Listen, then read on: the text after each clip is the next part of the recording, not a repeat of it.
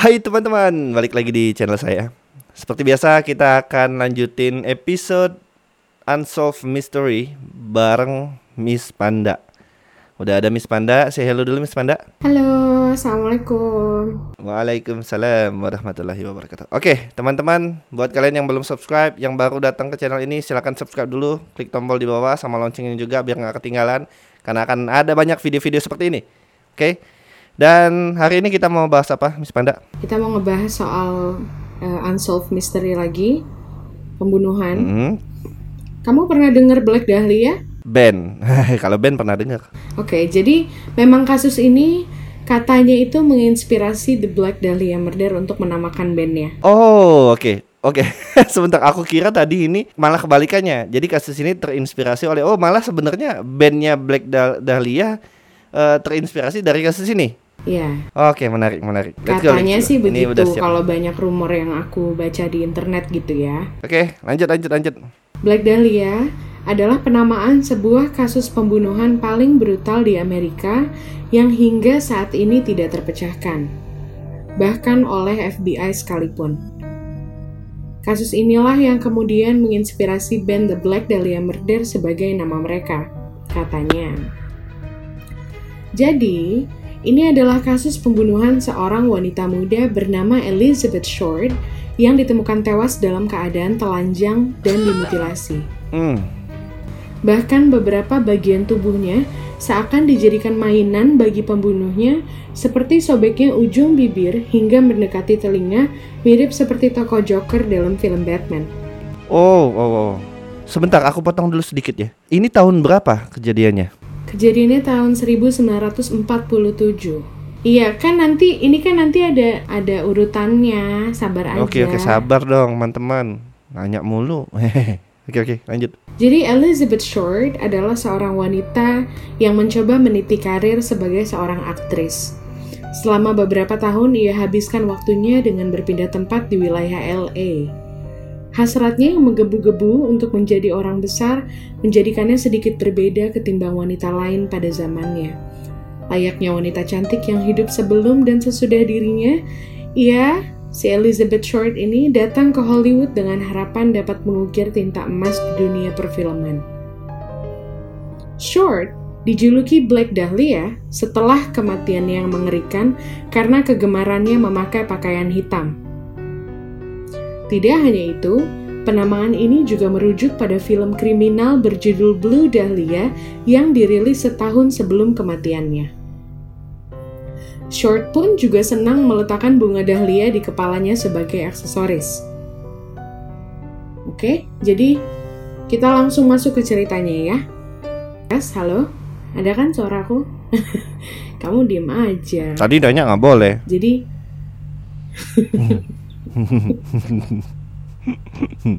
Tawa. kenapa aku tutupin? Kan udah ketutup. Ya, iya. Eh, Aku mau nanya dulu deh. Jadi kalau Blue Dahlia itu kisah nyata juga enggak? Enggak, enggak. Blue Dahlia tuh filmnya dia satu tahun sebelum Oh, yang yang meranin dia. Iya.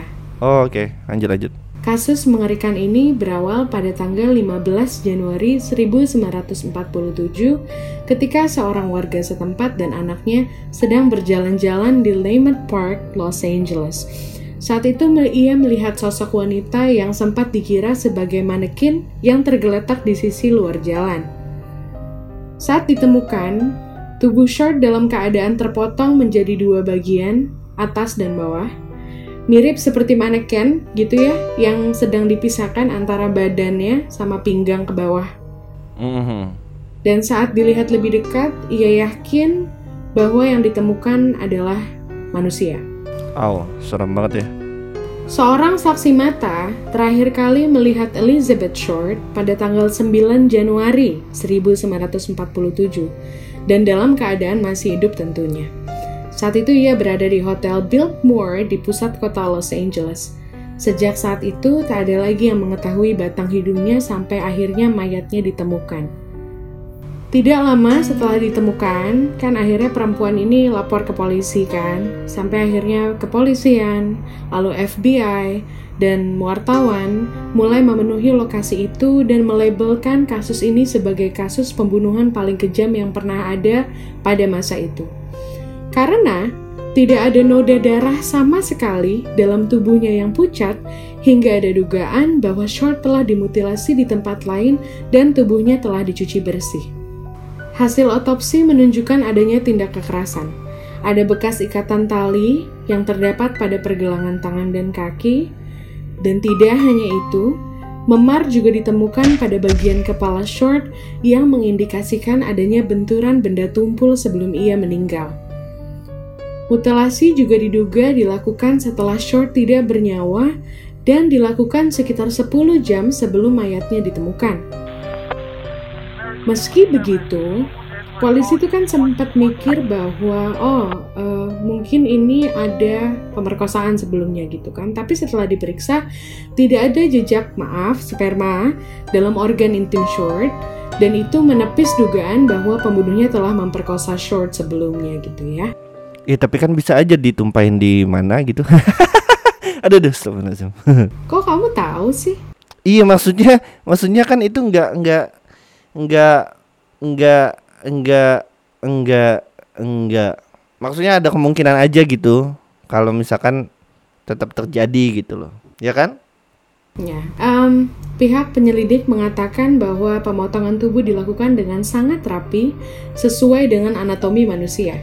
Ini membuat polisi menaruh kecurigaan bahwa pelaku mungkin saja memiliki latar belakang pendidikan medis atau kedokteran. Hmm, ya kayak kayak yang waktu itu ya, yang mayat dalam kulkas ya. Ya. Oke, lanjut lanjut. Selang beberapa waktu kemudian, ada sebuah surat yang diterima oleh kantor polisi setempat. Surat ini tuh nggak ditulis pakai tangan, tetapi menggunakan huruf-huruf yang disusun dari potongan koran. Kamu ngerti nggak? Nanti ada fotonya aku akan uh, kirim ke kamu ya. Ntar kamu share ke teman-teman ya. Oke. Di dalam amplop itu ada banyak juga benda pribadi short.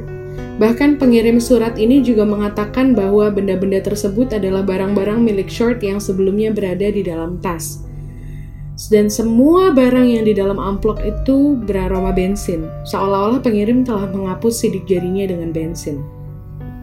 Berbagai cara pun dilakukan oleh polisi dan FBI demi mendapatkan bukti baru atas jalan gelap kasus ini. Namun, apa yang mereka lakukan seakan tidak membuahkan hasil. Sekitar 200 orang telah diinterogasi.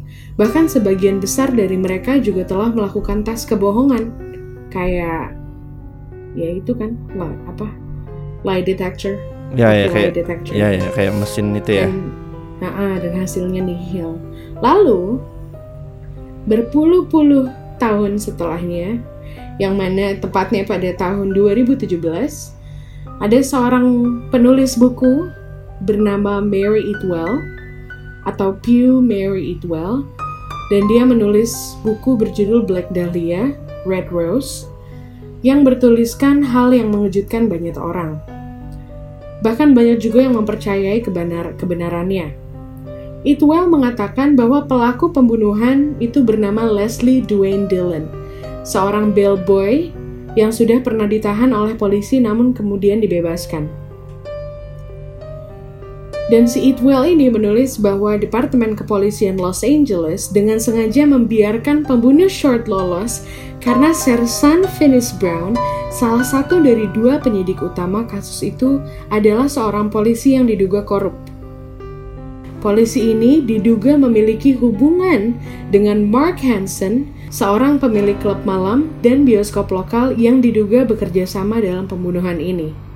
Wow, jadi si polisi ini gay? Hah?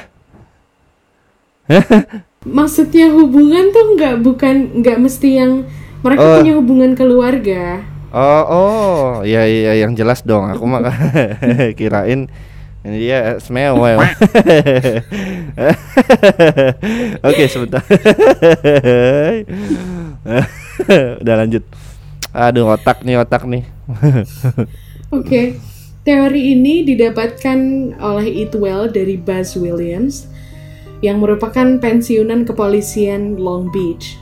Ia mengatakan kepada Itwell bahwa ayahnya, Richard F. Williams, pernah bergabung dalam tim yang bertugas untuk menyelidiki kasus ini. Bahkan, ia menyebut tim kepolisian ini sebagai LAPD's Gangster Squad Dan tidak hanya itu, Buzz Williams pun mengatakan bahwa para petugas ini memiliki hubungan dengan tersangka, Leslie Dillon.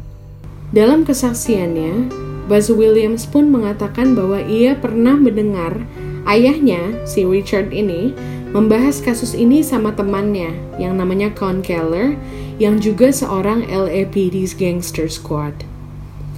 Ayah Buzz mengatakan bahwa ia yakin Dillon atau si Leslie Dillon ini merencanakan pembunuhan dengan dua orang lain, yaitu Mark Hansen dan satu orang misterius bernama Jeff Connors.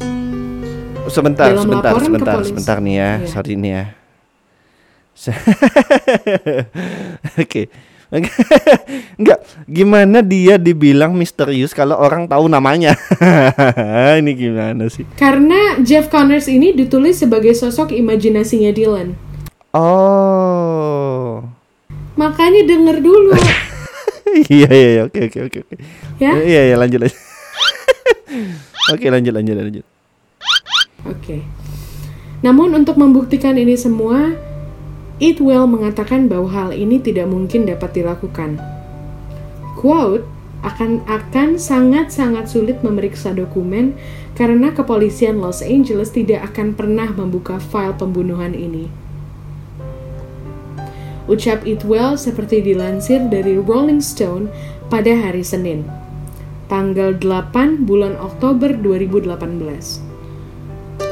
Meski begitu, Itwell yakin bahwa Short dibunuh di Astor Motel, tempat di mana Dylan dilaporkan tinggal. Bersamaan dengan itu, pemilik motel yang bernama Henry dan Clara Hoffman mereka melaporkan penemuan salah satu kabin mereka yang berlumuran darah dan kotoran pada tanggal 15 Januari 1947 di hari yang sama. Hmm.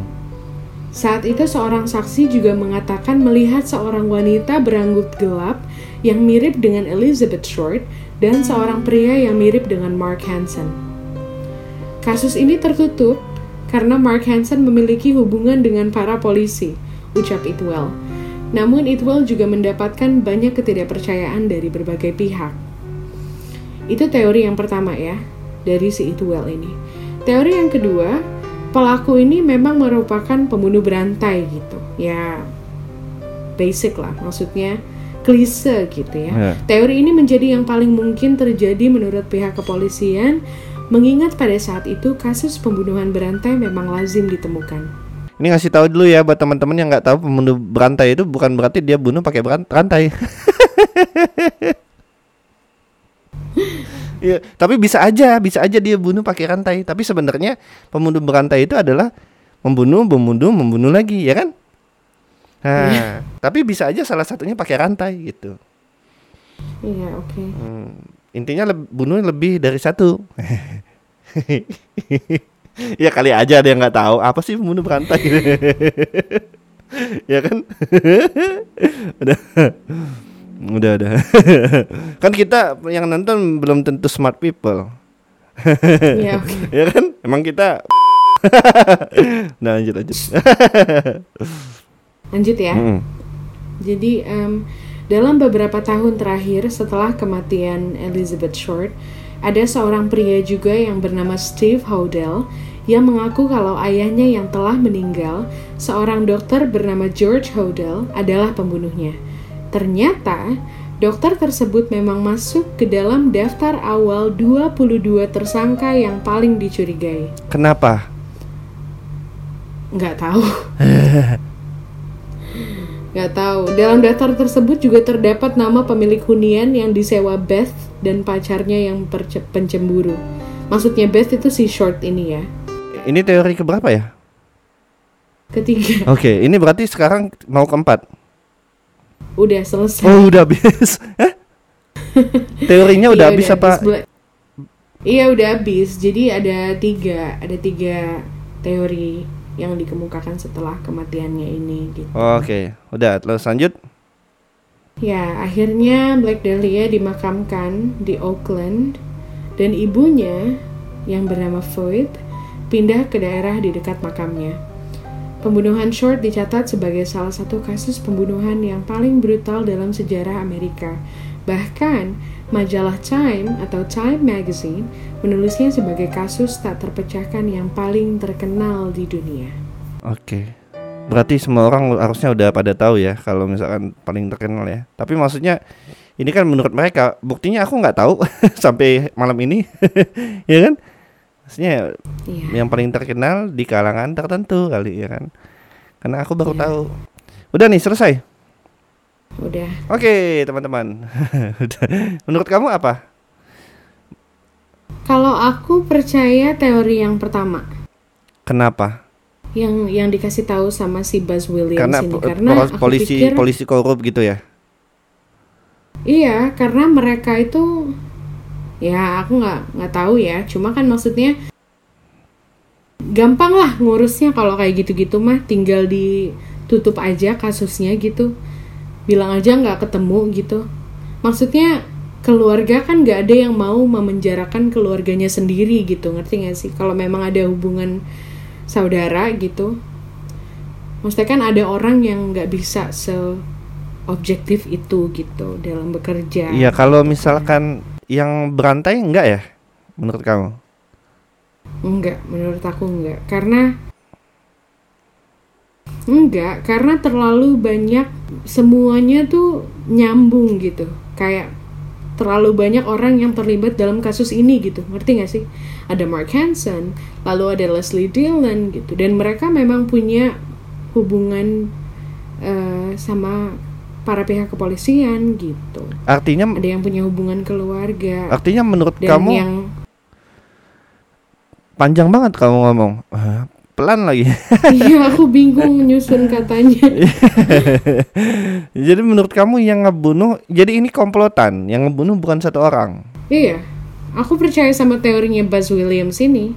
oke Teorinya dia yang ketiga pertama. tuh teorinya apa ya aku agak lupa lupa dikit Itu yang ada eh, tahu-tahu ada orang yang nelfon masih tahu kalau bapaknya dia sebenarnya yang ngebunuh.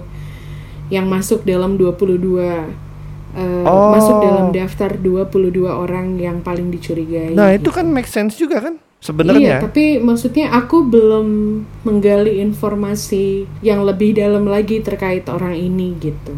Oh iya iya iya iya iya. Kalau aku itu juga maksudnya itu juga make sense gitu kalau misalkan pada akhirnya ak, eh, jangan aku deh contohnya. Orang lain gitu orang lain nelpon bapak bilang kalau bapaknya pembunuh gitu ya kira-kira begitu ya. Mungkin mungkin di rumah dia nemuin bukti apa gitu atau bapaknya pad, eh, ngelindur pas tidur gitu kan oh aku udah membunuh ini misalnya gitu kan. Jadi ketahuan. Ya apa pun itu semoga The Black Dahlia eh, diterima di sisinya. Dan ini nggak tahu benar apa enggak ya jadi inspirasi The Black Dahlia Murder band ya kan? Oke udah. Udah ya? Habis ya? Oke teman-teman. Udah segini episode kali ini. Sampai ketemu lagi. Makasih udah nonton. Jangan lupa like jangan lupa share. Kasih tahu teman-teman kalian kalau ada channel baru nih ya.